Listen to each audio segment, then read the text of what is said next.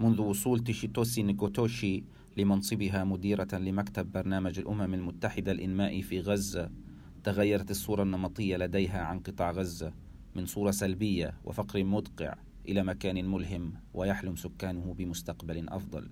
وترى أن غزة دائما تقف على حافة الهاوية وأن الجهود التي تبذلها المنظمات الدولية في مساعدة السكان لا سيما برنامج الأمم المتحدة الإنمائي بالإضافة لصمود الغزيين ساعد في تأجيل هذا الانهيار وينفذ برنامج الأمم المتحدة الإنمائي برنامج مساعدة الشعب الفلسطيني برامج ومشاريع مهمة من شأنها مساعدة فئات مختلفة على الصمود وتحقيق الاستدامة لا سيما في مجال خلق فرص عمل.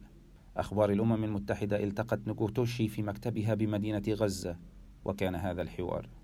في البداية هل من الممكن أن تحدثينا عن نفسك؟ Okay, uh, my name is Chitose Noguchi. Um, I'm the اسمي تشيتوسي نوجوتشي أنا مديرة مكتب غزة لبرنامج الأمم المتحدة الإنمائي. برنامج مساعدة الشعب الفلسطيني. وأنا أشغل هذا المنصب منذ نيسان أبريل. أي قبل نحو خمسة أشهر. عشت في عدة دول مختلفة بسبب طبيعة عمل والدي. بدأت في الولايات المتحدة اليابان سنغافورة هولندا ثم عدت إلى اليابان. وكنت كذلك في نيويورك وتورنتو حيث أكملت الثانوية العامة هناك. عدت إلى اليابان من أجل الدراسة الجامعية وبعد ذلك إلى الولايات المتحدة لإتمام الدراسات العليا. ومنذ ذلك الحين أصبحت مهتمة في التنمية الدولية. وانضممت إلى مؤسسة كير وهي منظمة عالمية غير حكومية وكانت واحدة من أكبر ثلاث مؤسسات في ذلك الوقت. وعينت في سريلانكا وفيتنام وكذلك الولايات المتحدة واليابان. عملت مع كير لسنوات طوال أكثر من عشر سنوات. وبعدها انضممت إلى برنامج الأمم المتحدة الإنمائي في عام 2010 في نيويورك.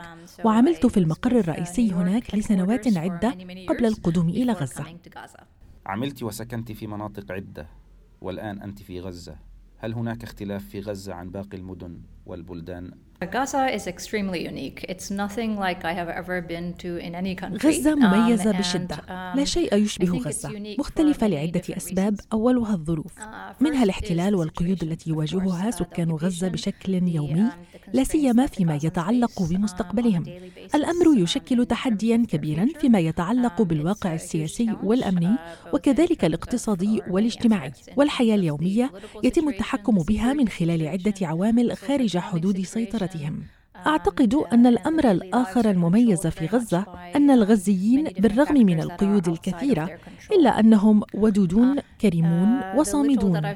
والشيء القليل الذي رأيته خلال الخمسة أشهر الماضية أنني منبهرة بالرغم من الظرف الصعب الذي يعانون منه وبالرغم من أن معدل البطالة مرتفع جدا خاصة في أوساط الشباب والذي يصل إلى 70% وبين الفتيات قفز إلى 90% كما أنهم لا يحتاجون يحصلون على الخدمات الأساسية والخدمات الصحية والتعليمية والوضع الأمني يسوء وبالرغم من ذلك يحاولون البقاء إيجابيين وفي واجهة التحديات والبحث عن مستقبل أفضل أعتقد أن هذا مصدر إلهام كبير بالنسبة لي وأشعر أنني محظوظة بأن أكون مديرة مكتب غزة لذا يمكنني أن أعمل مع فريق العمل لتحسين وضع السكان Uh, to make a difference for the people.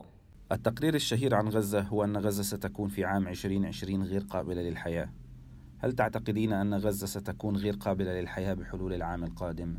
Gaza, I think, is تواجه غزة العديد من التحديات. وأعتقد أن افتراضية 2020 يمكن أن تكون صحيحة إلى حد ما. وأعتقد بحسب ما لاحظته أن غزة دائما على الحافة وأنها ستنهار. ويظهر الشعب صمودا في محاولة دائمة لتوسيع تلك الحافة. وما يبهرني أنه بالرغم من العديد من الصعوبات والتحديات والقيود التي يواجهها الغزيون إلا أنهم يجدون الحلول ويواصلون محاولة البقاء على قيد الحياة. لذلك هذه الحافة يتم توسيعها. وأعتقد أنه عند كتابة التقرير تم النظر إلى كافة المعايير. ولذا يسود الاعتقاد بأن الخدمات ستنهار في عام 2020 ولكن ما أراه هو أنه بسبب صمود الناس لا تزال الحياة مستمرة. وهكذا يظهر للعالم أنها لم تنهار. ولهذا الأمر جانبان أحدهما إيجابي والآخر سلبي. السلبي أنه لا تظهر للعالم خارج قطاع غزة حاجة السكان بسبب بقائه صامدا ولكن الجيد أن السكان لا يزالون يناضلون من أجل الحياة هناك قضايا كثيرة وتفاصيل مختلفة وأنتم تلتقون بأطراف مختلفة هل العالم والدول المانحة فعلا يفهمون الواقع بشكل صحيح؟ I think people understand different aspects of it. Um, before I came, Um, أعتقد أن الأطراف تفهم العديد من الجوانب. قبل أن أتولى uh, منصبي نشأت صورة غزة في مخيلتي عبر الإعلام وما uh, قرأته أيضا. بأنها مكان مدمر هناك فقر مدقع أن السكان um, فاقدو الأمل. كان هذا الجانب السلبي الذي كنت uh, أعرفه عن غزة. وهذه هي الصورة التي يحملها معظم دول العالم عن غزة. والعديد منهم زملائي وأصدقائي. عندما وصلت إلى غزة صدمت إيجابيا بروعة السكان وسلوكهم الإيجابي وقدرتهم على تخطي العقبات. أحد المشاريع التي زرتها كان مشروع تعزيز قدرات الشباب وكان لدى الشبان طاقة كبيرة وأفكار كثيرة لتحقيق التغيير. وذلك يتعارض مع الصورة التي كانت في ذهني قبل وصولي إلى هنا. أعتقد أن الممولين وكذلك الطواقم العاملة في الأمم المتحدة حول العالم والحكومات والإعلام والقطاع الخاص لديهم نظرات مختلفة تجاه غزة. ولكن عندما يأتون لغزة يندهشون من حجم الأشياء الإيجابية. لكنهم أيضا يرون الصعوبات التي يواجهها أهالي غزة. أعتقد أن الصورة المنقولة والمعرفة عن غزة ليست كافية حول العالم. ماذا يفعل برنامج الأمم المتحدة الإنمائي من أجل تغيير الواقع الصعب الذي يعيشه السكان في غزة؟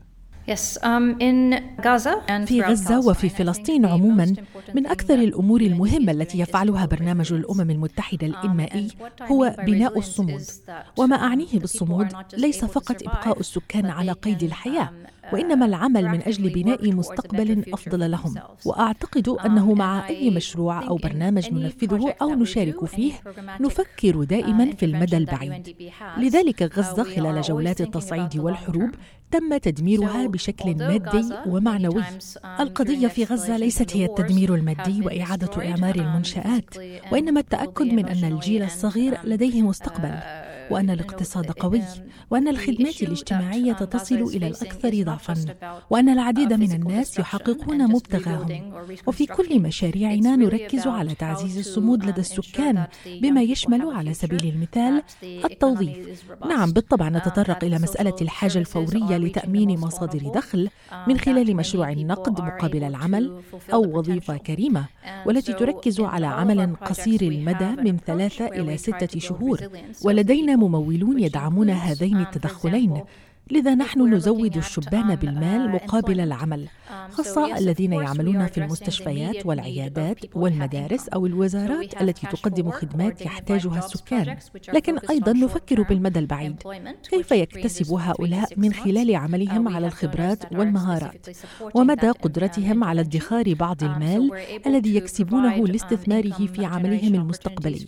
ثمة أزمة كهرباء في غزة. هناك نحو 450 ميجا وات ولكن نصفها ما يتم الحصول عليه.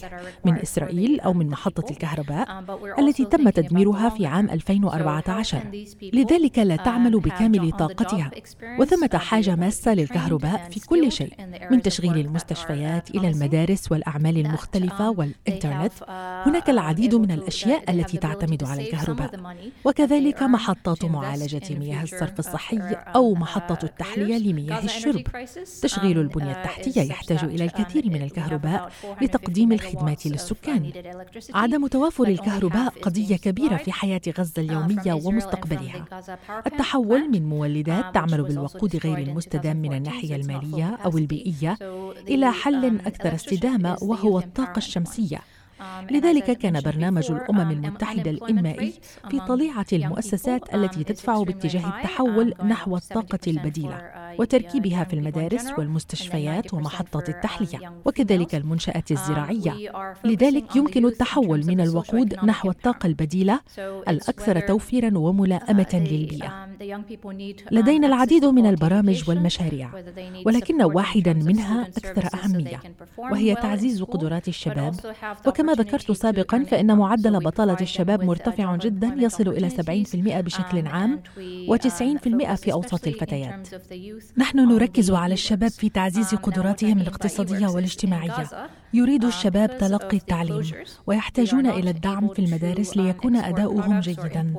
ولكن في نفس الوقت يبحثون عن فرصة الحصول على العمل والدخل. لذا نعمل في الجانبين ونقدم لهم دعما في مجال العمل عن بعد فيما يتعلق بالشباب. وما أعنيه في العمل عن بعد هو أنه بسبب الإغلاقات ليس لغزه قدرة على الاستيراد والتصدير بالشكل الطبيعي. وهناك حاجة إلى موافقة مسبقة قبل كل شيء. وتحت هذا الظرف الاقتصادي الخاص نبحث عن إمكانية الوصول للسوق خارج غزة. سواء كان إقليميا في الشرق الأوسط بحيث توجد خدمات تتطلب اللغة العربية أو عالميا. نحن نربط الشباب مع السوق في الخارج. لذا يمكن لهم رغم القيود أن يؤمنوا مصدر دخل. ليس فقط في مجال التكنولوجيا مثل العمل في مجال الإعلام كخدمة التعليق الصوتي وتصميم المنتجات أو المواقع الإلكترونية. هذه الأشياء التي لها علاقة بتكنولوجيا المعلومات إضافة إلى المهندسين والمدرسين ومقدمي الخدمات الطبية والذين يقدمون خدمات للخارج من خلال المنصات الإلكترونية وربطهم مع الزبائن. هذه أشياء متنوعة نقدمها. ولكن فيما يتعلق بإعادة الإعمار خاصة بعد التصعيد وتحديدا بعد العملية العسكرية في عام 2014 كنا نركز بشكل كبير على البنية التحتية في المنازل وكذلك المدارس والمستشفيات والمنشآت العامة والملاعب. سؤالي الأخير الآن هل أنت متفائلة فيما يتعلق بالمستقبل؟